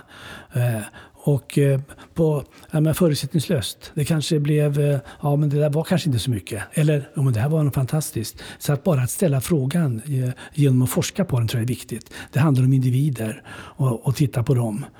Ehm, och sen är det vissa saker man får inte trycka för mycket på. Ibland, nu har ju varit eh, genforskning som jag har varit inblandad i faktiskt mycket. Det har liksom fått en overwhelming, lite sån överdrift så att allting ska förklaras eh, med gener. Men vi vet ju att generna kan påverka påverkas, hur vi kommer att använda dem. Eh, så att mycket av det faller. Jag har sett liksom under alla år eh, hur man från Vetenskapsrådets håll har satt, gjort olika prioriteringar på forskningsområden. Och så visar det sig att de som sitter där det är lite äldre och så kommer det något nytt och då vill de inte visa att de inte kan det där nya riktigt. Mm. Och då får det där nya ett väldigt stort utslagsrum eh, innan man, så, innan man kommer fram till att ja, det, det här räckte inte. Det räckte inte att du bara tittade på DNA. Det behövdes att vi tittade på proteinerna också. Och snart kommer de att säga att det räcker inte att vi bara tittar på proteinerna. Vi kommer att titta på hur de här proteinerna arbetar med. Vi behöver titta vilket, hur de här proteinerna påverkar beteenden eh, som kopplar till vårt psykologiska uttryckssätt och så vidare. Mm. Eh, så att eh, det är ju oerhört viktigt att man kan eh, ge utrymme för sån forskning som inte bara begränsar sig till det som är up to date. Mm. Eh, det tror jag är viktigt. Vad jag håller på med nu i min egen forskning det är inte bara att förstå vilka skador som droger kan göra på hjärnan. Och in, eh, utan också att vad kan vi göra akut, men mm. också vad kan vi göra långsiktigt. Arbeta med strategier då vi kan eh, återställa eh, drog inducerade skador genom att stimulera nybildning av nervceller. Det är liksom vad jag håller på med. Det är något som sker. Vi visste inte det för 15 år sedan, men nu vet vi detta. Mm. Det är för min egen del intressant. Men vad jag eh, särskilt efterlyser, det finns ju naturligtvis, jag ska inte säga att jag är ensam sitter här, det finns de som eh, väntar på samma sak, att man får en starkare koppling mellan den biomedicinska forskningen, den kliniska forskningen och inte minst den psykologiska eh, och eh, socionomiska helhetsforskningen så att man får en större helhet. Mm. Det skulle man få om man gick till exempel efter det förslag nu som Gerhard Larsson hade gjort, att man skapar de här stora sammanhållande forskningscentrum som kan eh, blicka åt alla håll. Mm. Det vore ju fantastiskt, för just det där också att det finns så mycket kunskap att tillgå. Varför inte sammanstråla det och ge varandra det? För det, det är först då det känns som att man kan göra riktiga framsteg. Mm. Och just det här att inte stöpa alla forskare efter samma form eh, så att de blir lika. Sen duger de inte om de inte följer det här mönstret. Alltså, det är för mycket sånt. Alltså. Det är fortfarande kvar sånt. Det har väl blivit lite förändringar. Mm. Men eh, att kunna vara öppen för det udda. Jag kan säga att det finns flera Nobelpris som har blivit fördröjda på grund av att man eh, den traditionella ledarna bromsade. Det här var ingenting. Det var bland annat med eh, insulin. Det kunde ha gått till Sverige om det hade eh, skötts på rätt sätt och så vidare. Att upptäckten mm. av den. Men eh, många sådana här saker tror jag att eh, det måste finnas eh, det utrymmet. Eh, då tror jag att vi kan skrida framåt. Och sen också måste vi ha en optimism. Vi måste ändå ha den inställningen att vi, vi kan förändra, vi kan göra det här, vi kan gå på bättre, bättre tider. Mm. Trots att jorden i vissa avseenden krymper så kommer vi att kunna anpassa oss till nya tider, till nya skeenden eh, på ett bra sätt. Alltså. Ska vi ha, har man den ambitionen och inte titta bara liksom på de gulnande eh, träden för de kommer ändå överleva när våren kommer. Mm. Och det är liksom den inställningen som hela naturen mm. berättar för oss, var vi än går, att det kommer nya tider. Det kommer det är snö nu, mm. det, är, eh, det är vinterkyla, men det kommer en vår. Och, då, eh, och få in det i hela sin livscykel, tror jag, i sitt livstänkande. Där har man lite att arbeta med eh, som jag tror man skulle må bra av. Ja, det finns ju mycket kritik också att den politik som bedrivs alltid riktar in sig på oss som är här nu. Men eh, vi är ju ganska kort tid på den här jorden om man ser mm. eh, ur revolutionen. Mm. Och, och just det där också att eh, ofta så kanske det är så också att det som sker genetiskt via evolutionen går, eh, tar längre tid på sig att förändras än våra, den kunskap vi har och vad vi kan göra här och nu. Mm. Det är ju såklart att eh, den, det går inte kanske att göra de här drastiska, snabba förändringarna, men det går att ta upp problematiken och verkligen försöka titta då, som du säger, eh, långsiktigt såklart. Mm. Det är jätteviktigt. Ja, det, går att göra, det går att göra så att säga eh, grundfundament mm. som visar och sätta upp pilar som visar inriktningen. Och det gäller naturligtvis eh, det globala. Det gäller inte minst så gäller den här eh, oredan vi har när det gäller krig och elände. Det är ju katastrof att man fortfarande på jorden ska behöva avgöra saker genom att slå ihjäl varandra. Mm. Det är ju helt eh, obegripligt. Och där vet jag inte. Men däremot att ändå den lilla refug som vill överleva ska göra som Martin Luther sa. Om världen skulle gå under imorgon skulle jag ändå plantera ett träd idag. Mm. Och det är lite den filosofin att eh, när det gäller framtiden för våra barn, för våra barnbarn alltså, så ska man ha lite den tanken och filosofin. Det samtalet kring hur vi, att just beroende och medberoende, att det förs vidare i generationer och vikten av att försöka bryta den, mm. att det fortsätter sprida sig. För det är ju faktiskt så att eh, om du bryter en generation så finns det större chans att du kan både då, återigen med, mm. med gener och mm. Eh, miljö, att man kan göra någonting åt det här. Och där är det ganska snabb effekt, om man säger. Jag menar, om, om eh, vår generation får barn och ser till att vi inte behöver föra det vidare mm. på dem, så, så mm. är det ju ganska mycket som, som är löst, mm. så att säga, framåt då. Mm. En, en annan fråga som är lite sådär, finns det någonting som du i din forskning där du verkligen har blivit förvånad över det resultat du har kommit fram? Det är en stor fråga. Mm. Och eh, ibland så har min förvåning visat sig så här att ja, men så var ju verkligheten. Var det så här det var? Mm. Man ställer en fråga till naturen och så får man ett svar nästan som man tänker aj, ja, det gick det inte. Var det. Och så plötsligt så, när man Bruk, jag brukar köra, och mina doktorander brukar alltid få flera projekt. För ibland går det stå, det går stoppar. Mm. Då får de hålla på med andra projekt så de hinner få lite avstånd till det sen blicka tillbaka. Och så kanske de förstår varför det inte gick fel. Så att som handledare, som forskare och som forskare, det handlar inte bara om att eh, upptäcka något spännande. Det handlar ofta om att veta hur man ska göra när det inte går som man har tänkt. Just det. Kreativa det, lösningar. Det liksom. är forskningen, alltså det att kunna hitta lösningar när det blir. Jag tycker att eh, jag gjorde en sak som inte gick som det tänkt och som nu eh, verkar få betydelse. Mm. Det var när jag, var, um, när jag slutade min, eh, min, jag var klar med min avhandling. Så av någon anledning, jag håller på med tillväxthormon um, som är ett viktigt hormon i hjärnan. Eh, och så tittar jag, av en anledning ska jag titta på hur det påverkade hjärnan, för det påverkar vissa delar av hjärnan som är ganska ytliga. Jag letade efter receptorer. Men så råkade jag av en slump då få hjärnvävnad som kom långt inifrån hjärnan. Och så såg jag att det fanns tillväxthormonreceptorer långt inne i hjärnan. Men jag tänker, det kan ju inte gå. Mm. För vi har ju en blod-hjärnbarriär som hindrar sådana här stora molekyler som tas in. Det måste vara fel. Så då slängde jag det där.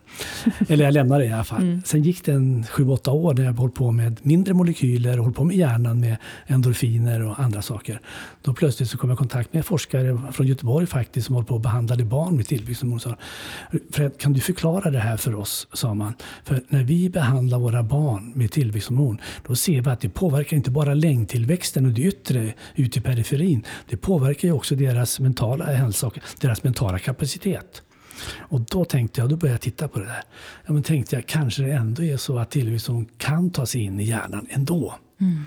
Eller produceras där och så vidare. Och då började jag leta efter det och titta på de här receptorerna och kunde bestämma då att de fanns faktiskt både i mänskliga och djurhjärnan och så gick jag vidare på det. Men vad hade de för betydelse? Jo, de fanns i ett område som var kopplade till minne och kognition. Och då gick jag vidare och tittade på det och såg att djur som hade lite tillväxthormonproduktion, de hade sämre minnesförmåga. Gav vi dem tillväxthormon så förbättrades den. Jag tänkte att det här var ju jättespännande så jag började titta på eh, en del mekanismer och sen eh, kunde vi se på djurexperiment, det stämde ju. Sen eh, kom jag till på att många drogmissbrukare eh, som får eh, opiater eh, och går på opiater och även andra saker, även alkoholister, de får försämrat minne, försämrad kognition. Mm. Och då tänkte jag, men tänkte jag, för det hade jag hållit på själv med att titta på. Tänk, tänk om de skulle få tillväxthormon då? Och då började jag med, tog ut såna här minnesceller, alltså celler från hjärnan som är kopplade till minnes från det här området som heter hippocampus som norrmännen fick eh, Nobelpris för. Just för något. Mm. Tittade i det och såg jag att ja, men här, först gav jag, låt jag de här cellerna bada i eh, morfin och såg hur de krympte, gick tillbaka, började dö. Sen gav jag tillväxthormon, så att då kunde cellerna överleva.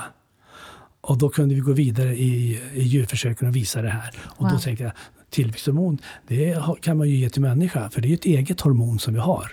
Och så började vi, började vi med den studien. Har faktiskt fått den första patienten som har gått i mål. En man som hade varit eh, utsatt för eh, opiater på grund av smärta och fått en försämrad minne och kognition då, som vi kunde bekräfta. Då gav vi honom tillväxthormon ett halvår, ett helt år och såg att han fick ett klart bättre minne klart bättre livskvalitet. Och så tog vi magnetkameran och tittade på hjärnan och såg att i det områden, hippocampus, där skedde det någonting. Där fick man en ökad aktivitet som man kunde mäta. Så det bekräftade det där och det tyckte jag är spännande. Otroligt. Ja. För då skulle man ha den möjligheten att eh, inte bara kunna, eh, när det gäller de här, att även kunna reparera skador som man har fått av droger. Mm. Och då är det här hippocampus och även frontalloben här bra områden för detta. För där finns det tillväxthormonreceptorer. Så det, så det är vad vi håller på att arbeta med. Det är så att säga, mitt stora intresse, mm. spännande forskningsprojekt. Det låter superintressant, superspännande. Ja. Och jag får ju direkt en känsla på att det här måste ju kunna ha effekter även när man tittar på Alzheimers, tänker jag.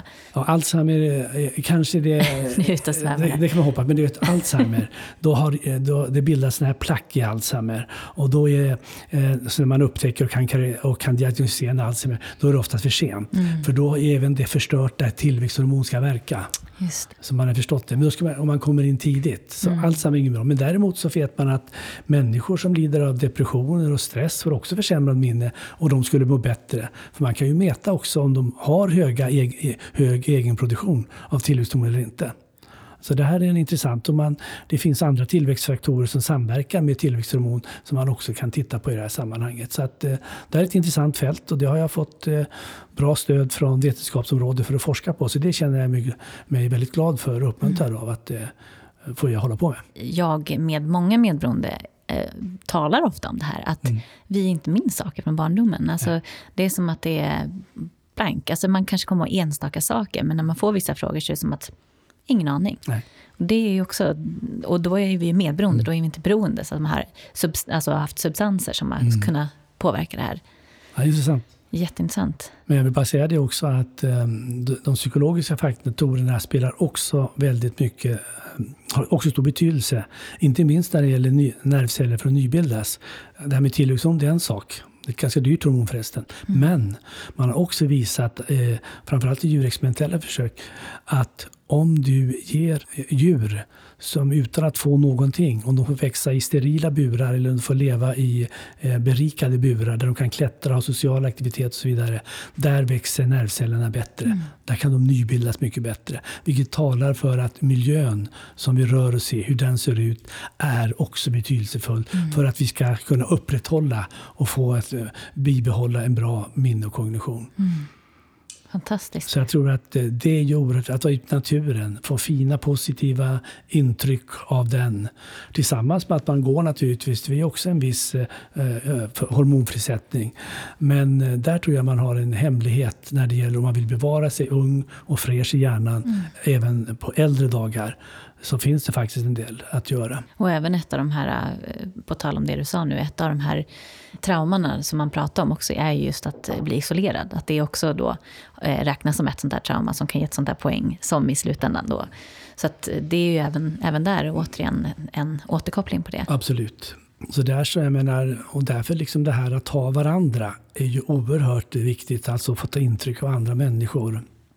Och där kan man ju diskutera också vad, om vi bara sitter bakom en padda eller en iPhone, är det så bra hela tiden? Mm. Då rekommenderar unga att späda ut tiden eh, vid datorn med utaktiviteter. När vi tittar då på, på medberoende, alltså, det finns ju flera föreningar, jag är bland annat Trygga Barnen, Maskrosbarn och, och så, som eh, jobbar mycket med att eh, möta de här barnen. Och jag tänker då just barn vid ett tidigt skede. Att även om de kanske inte kan ta bort den missbrukande föräldern eller så, så kan de bjuda in dem till sammanhang där de kan socialisera. De hittar på läger och sådana grejer. Och det är ju, det är ju verkligen någonting som kanske då kan berika den här delen, tänker jag. Jätteviktigt tror jag.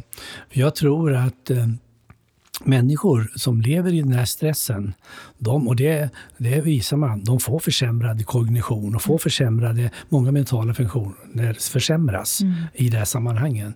De behöver ha en stimulerande miljö och kan de få det så är det ju oerhört viktigt. Och det behöver inte vara märkvärdigt. Jag menar, jag tänker jag har då eh, barnbarn. Mm. Då räcker det med att du bara sitter och tittar på vad de gör. Alltså, kom ska vi leka, säger de. Och så sitter de, men det är de som håller på och styr mm. Men bara det att jag sitter där bredvid dem, så leker jag med dem. Men de är beroende av att ha någon människa bredvid, bredvid sig. Och det är stimulerande för dem. Mm. Jag märkte också det när jag var ung. Då jobbade jag på somrarna på Uppsala kommuns eh, sommargård ute på land, eh, ute i kusten någonstans. Då.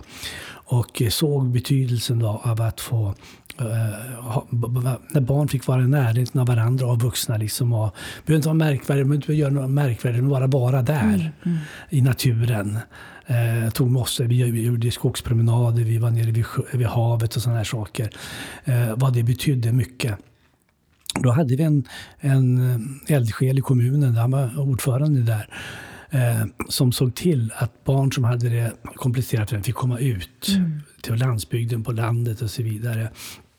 Och det var ju liksom, det var en hälsokur för barnen mm. mot att vara inne på asfalterade gator. Och det här med kolloverksamhet har ju funnits ganska ja. länge. Och det är ju, jag menar herregud, vem säger inte att man har varit ute en dag i skogen eller så, så mm. mår man bra. Man mm. känner, det är en annan luft och det mm.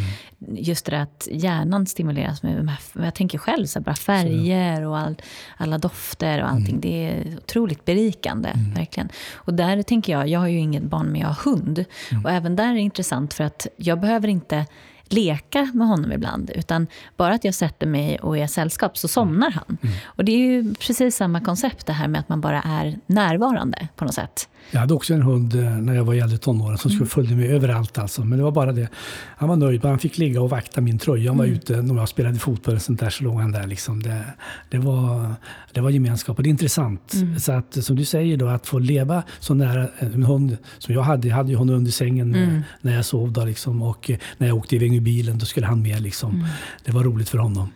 Men eh, just den där att vara nära mm. och så lära sig att läsa och förstå liksom, hunden eh, väntade på när jag kom hem från, jag gick ju på Katedralskolan, när jag kom mm. hem från skolan så att säga, då fanns han där och så på gården. Då. Det var roligt. Och hur man kan förstå, alltså jag menar, där är ju också, eh, man pratar om att barn speglar sina föräldrar och så. Men eh, djuren är samma sak. Alltså ja. Vi ger dem tecken på vad som är bra mm. eller dåligt. Och man hittar, eh, man kommunicerar. Det är som att man pratar utan att det finns ord. Mm. Det finns så mycket, men det krävs ju att man är närvarande och intresserad av varandra också mm. för att det ska kunna fungera. Och det är ett stort problem om du växer upp med en missbrukande mm. förälder. Att den inte har intresset, den Nej. är mer intresserad av sina behov då, som mm. ofta är. Ja, men där säger du en väldigt sann mm. sak. Alltså. Så att jag tror ändå, jag, um, där, där finns det oerhört mycket att göra. Eh, framförallt för barnen i de här hemmet. Nu börjar man titta på det där lite mer forskningsmässigt sett. Och vi har varit, jag har varit med om att sätta igång ett forskningsprojekt som görs på sociologen i Uppsala universitet och tillsammans med Regionförbundet. Och där tittar man på barn i missbrukarhem och det, det är ju oerhört viktiga observationer man gör där, för där behövs det mycket att göras. Verkligen. Så det tycker jag, det, det är verkligen eh, viktigt och eh, intressant mm. område. Man kan göra någonting där. Jag vet en flicka som, en heroinist. Eh, hon hade lämnat heroinet och var nu nykter länge. Men hon berättade, för hon kanske var i 40-årsåldern, pratade. Hon berättade, hon väckte upp med en alkoholiserad mamma. Mm. Och eh, hon tyckte det var så eländigt allt det här. Så hon bestämde sig för att aldrig att jag ska ta det här. Mamman dog när hon var fortfarande ung.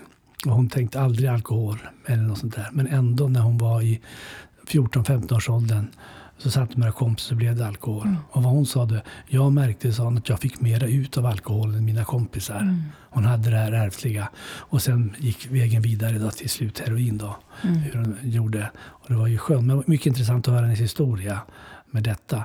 Så naturligtvis, jag går tillbaka till detta, att göra någonting redan för barnen i de här utsatta hemmen. Eh, det är kanske ett av det viktigaste man kan göra när det gäller medberoendeproblematiken.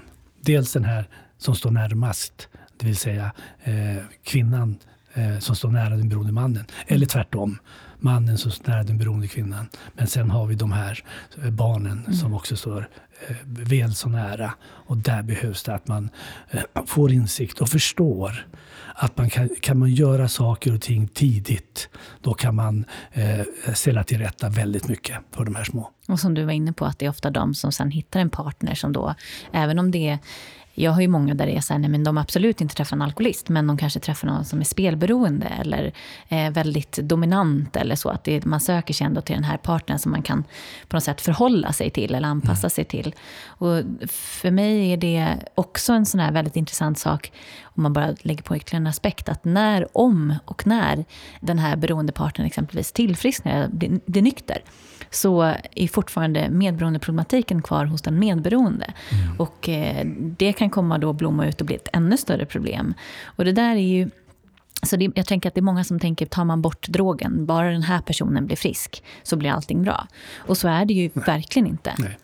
Och där kanske vi har någonting som jag skulle vilja att man kunde forska mer på. Det är ändå att eh, eh, detaljstudera den medberoende individen eh, på ett mycket, med mycket bättre förstoringsglas än vad man har när man går från enstaka diagnoser som man gör idag. För nu vet man vad man letar efter. Man letar efter tecken som eh, man kan relatera till en diagnos. Men jag skulle vilja att man hade det förstoringsglaset som man letade efter saker och ting som man inte ser idag då kanske man skulle upptäcka mer av det, mm. problematiken bakom. Och precis som du var inne på, även ett misstag, alltså bara att man söker efter saker. Så det är ju jättevanligt att de stora mm. sakerna kommer till av misstag. Mm. Såklart att det är, jag, jag blir jätteinspirerad av den, det du delade mm. om din upptäckt där. Och jag mm. tycker att det, det, jag blir väldigt inspirerad när jag hör forskning, för att det känns väldigt kreativt. Och att det krävs, som du säger, att det är människor som är kreativa, som är intresserade av det de forskar i, och kanske inte bara intresserade av sin egen karriär, då, mm. som du var inne på. Mm.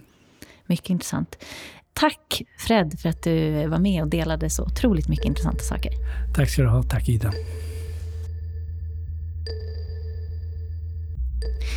I maj har Djävulsdansen premiär på Maximteatern. Och Fred Nyberg är med och föreläser om just medberoende. Vill du veta mer om Fred så kan du söka på hans profil på Uppsala universitet. Vad det gäller medberoende så finns mer information på vår hemsida www.medberoendepodden.se. Och följ oss gärna på Instagram och Facebook. Där heter vi Medberoendepodden. Och på just Instagram så lägger vi upp daglig inspiration och sånt som kan uppmuntra dig till ditt eget tillfrisknande från ditt medberoende.